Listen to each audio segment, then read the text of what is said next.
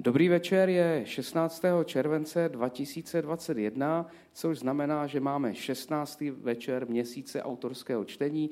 My sedíme tady eh, v divadle 12 a dnešním speciálním hostem v rámci té sekce slovenských autorů je vlastně autor, který úplně slovenským autorem není, ale z části také trošku je. Eh, a je to eh, náš milý host Ivan Medeši. Ivan, ahoj. Ahoj. A sedí tady s náma i překladatel, překladatel Ivanových knížek, eh, Maroš. A teď příjmení mi vypadlo. Volovar, čau. Volovar, ahoj, ahoj. Tak pokud bude potřeba, tak Maroš bude překládat. Pokud by eh, Ivan rozuměl, co budu říkat, tak možná to bude i bez překladu. Eh, Ivan, ty jsi četl včera Brně poprvé. Poprvé. A, U, u Br- Brnu aj nikda som nebol i mali sme jeden produktívny večer so s veľa rozmenkami ideoch, ktorí kulmini- kulminovali da skoro dva po polnoci i no, že sme posíli. Bars, vysoko sme zarysovali cíly, ale ešte vyššie sme dosiahli. takže nekladli jste si malé cíle. Tak.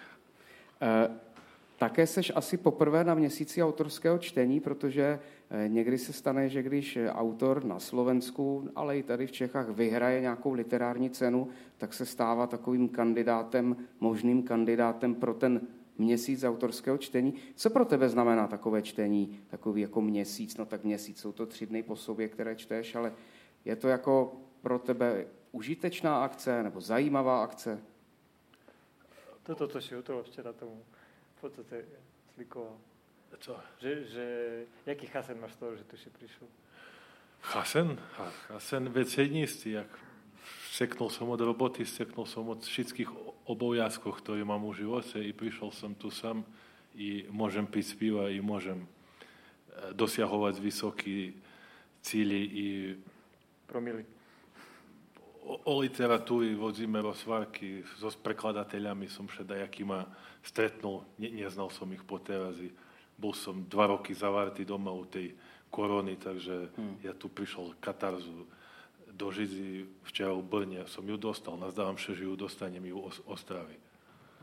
Já jsem před chvilkou říkal, že s tebou je to takové specifické v rámci toho tvého eh, autorství nebo toho přiřazení k slovenské literatuře. Ty jsi se narodil v Srbsku, že?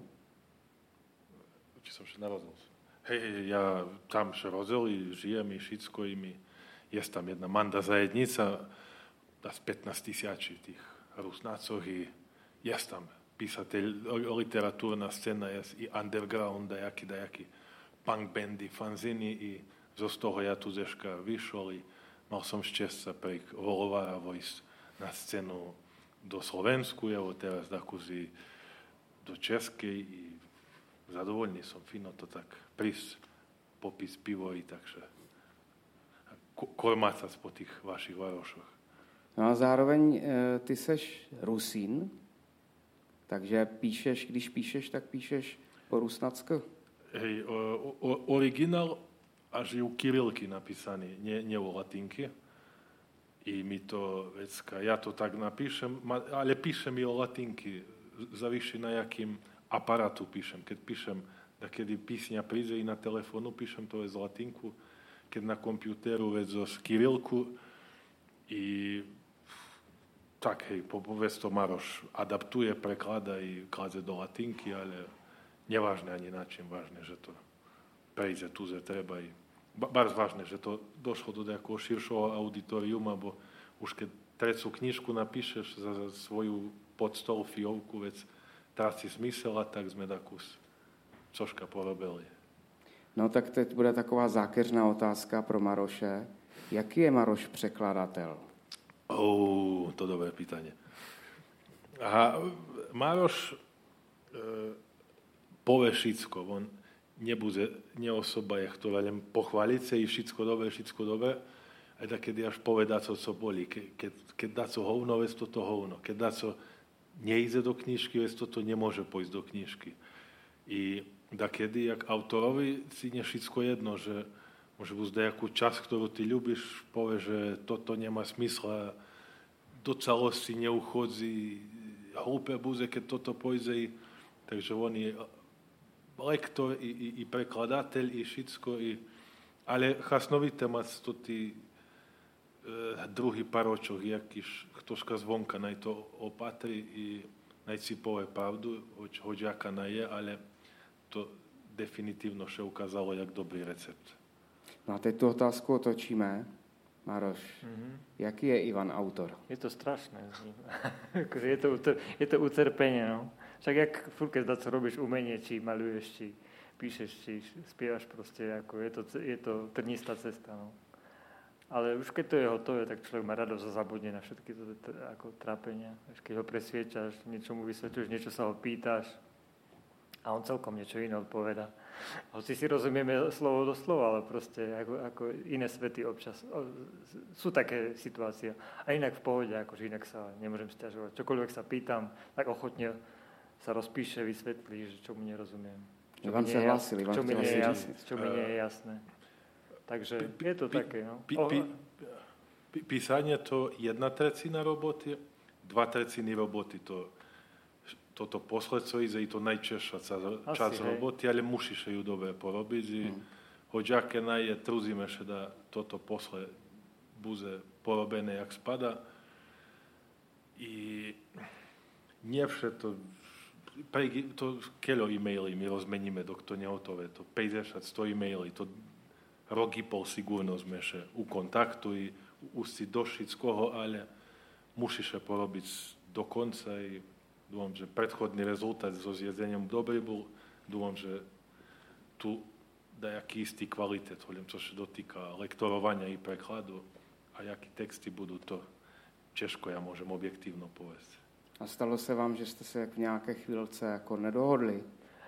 Že no, se... stalo sa, ale keďže jasne je to celé na mne a ako, ja, ako, čo ja vydám, ja vydám len to, čo sa mi páči, takže nakoniec vlastne som ja ten um, um, tento diktátor a proste nakoniec to stejne musí byť po mojom. Nedá sa nič robiť, akože. Ale myslím, každopádne je to, je to stále iba môj, náhľad, môj pohľad, môj názor, môj výber, môj preklad. Niekto iný by možno, že to zredaktoroval úplne inak. Ale... Niekto, niekto úplne iný by to vôbec neredaktor, zobral by to tak, ako to je a proste by sa s tým vôbec netrápil. Takže hmm. to je... Ale vezi, keď máš konečný rezultát, zješ v hlavy, že to tá knižka vyzie, že to dobré bude, tá, veci takedy stisnúť z očí i porobiť, jak treba.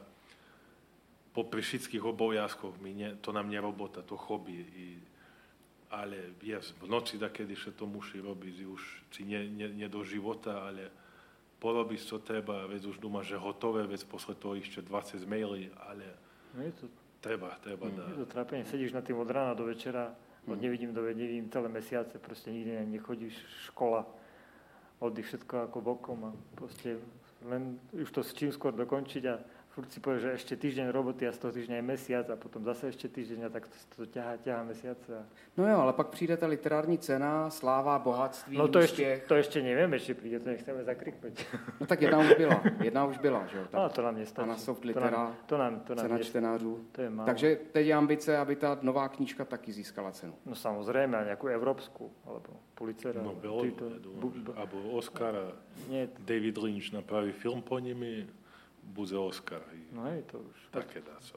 Môže bude to že pretvoriť do Netflixovej nejakej série, alebo HBO. Mm. My už máme nejaké, niečo, niečo sme podpisovali, ale nebudeme to predbiehať. Ako. Dobře, já jsem se teď díval do té knížky.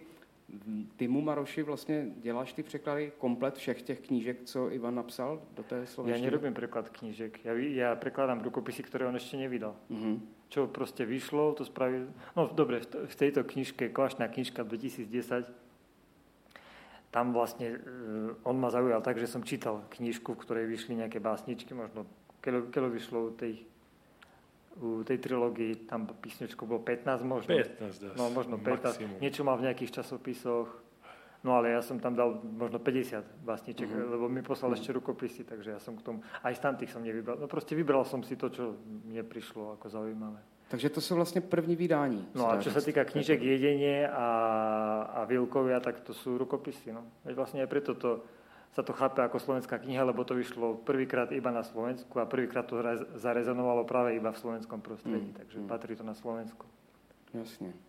Ono ty knížky, vy to teď jako nemůžete vidět, protože je to jenom uh, audio záznam, ale vypadají velmi pěkně. Uh, jaká je ta spolupráce s tím grafikem, typografem, ilustrátorem? Vlastně neděláš Maroši všechno ty.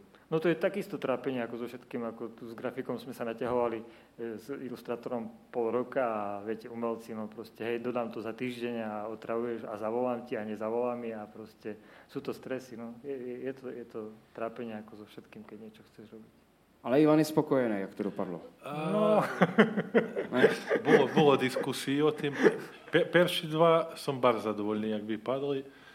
A u tej sme dneska mali diskusiu, že keď by še predali všetky príkladníky, druhý dizajn bude inšaky, mm-hmm. da, da co by mne položil tu na omoc, co ja tiež Treba môže byť dajak e, to subtilnejšie dajaké stvari vyznačiť. Som to, už som bol taký vyšťavený z toho prekladu, že už som potom tie grafické doťahovačky, že som to nejak to, ne, neust, neustriehol, neustriehol. Ani som sa ho nepýtal, či či akože ja, ja, ja nevidel takže... Ja, ja videl, až keď knižka vyšla i necelkom som bol zadovoľný, že dajaký co džobe oči tu da. Hmm, I, hmm. To trebalo po mojim subtilnejšie takú spoložiť. Da to. to si tiež hovorím, no ale tak už nie. Tak občas sa niečo podarí, občas nie. Tak je to na preskačku. Ale dobre, nie katastrofa ľudia chvália, no ale tak iba nám do očí, tak to vie, čo si hovoria po chrbát. Ja še nazdávam, že oni co u knižky núkají. No práve. No a když to jako lidé chválí, tak máš, Ivane, ty nějakou reakci i od recenzentů a literárních kritiků, jak se oni dívají na to tvé psaní? A zo z novej knižky ešte ne, nevidel som ani nejaký text. Ešte nevyšlo nič. I, ale da, da, čítali da jedni ľudia tak zo našoho nejakých krúhoch priateľoch, tá, tak relatívno sú zadovoľní. Evo včera Michal Špina zo A2 bol, je že dočitoval knižku Hajzibanu i musel švitko pojsť do WC, bo mu bruch prerobil, jak ju čítal, takže knižka definitívno má i terapeutický džístva. Tak to je vždycky dobře. No tak ona, ta knížka, ta eh, poslední Vilkovia, Eh, tam je hodně o takovém jako relaxu toho hlavního hrdiny, ale to už je spíš takový jako jeho životní styl, bych řekl. No. Že to není jenom jako jednorázová záležitost, ale spíš taková dlouhodoba. Mm, máš pocit, že je to čistě jenom taková jako literární záležitost, nebo je tam, řekněme, ta inspirace i z toho tvého života? A definitivno inspiracija z mojho života. Ja však keď píšem troška počatok procesa toho kreatívneho u nejakej reálnej situácii i vecka u hlavy napravím nejakú imaginárnu situáciu, najhorší scenáriu alebo nejaký najabsurdnejší e, scenáriu, aký by mohol z toho vysť, takže Zeška túto tí dva pripovedky, to dvilko, Zeška robí, Zeška taký period života, keď študuješ či, budeš, či nebudeš nič v živote robiť, čiže potrudíš dať sa premeniť v živote svojim čine. I dneška zo tej idei nastala celá veľká pripovedka. A tiež druhá pripovedka o človekovi, ktorý chce dneška u državnej firmy robiť, sú systémy državnej i normálno to, toto robotu češko bez kompromitovania dobiť. To dneška počiatok i vecka, nejaký najabsurdnejších situácií, do ktorých môžu vojsť, že, že, že by ty toto prelignul pre svoj organizm i prežil. Takže imaginácia vec ďalej to šlizie. A je ťažká start od reálneho mojho života. No za chvilku nám začíná čtení, takže já položím poslední otázku. Ta je společná a stejná pro všechny autory, s kterými děláme tyhle rozhovory. Stalo se ti určitě v životě víckrát, že na těch diskuzích přijdou ty stejné otázky a ty prostě odpovídáš pořád na to stejné. Ale Jednak. stalo se, že máš nějakou odpověď, kterou by si chtěl říct, ale ještě nikdo se na to nezeptal. Či máš odvidno? Hej, hej, hej, to še nikto nepýtal. A evo, toto še nikto nepýtal. Ale a je, vše, je, je istý pitania, ale to všetky Rolling Stones si musia odvytovať vše na istý pitania, takže to, to si služba. Každá, i, i to robota, i každá robota má dať co si veci, dať co si menej páči. A ešte nemôžem zdohadnúť teraz, co... Toto, co še nepýtali, to u knižky je. Takže, co, co som mal, to som do knižky položil, takže hmm. všetko hlavené na jeden bok. Môže bude za 5 minút, še zdohadnem, ale chvíľkovo še hmm. nemôžem zdohadnúť. Jo. Včera u Brnu mi še jeden pýtal, jak sebe vidím od 6 rokov. To, keby mi še to nepýtal, tak bym to pripovedal ľuďom. Hmm.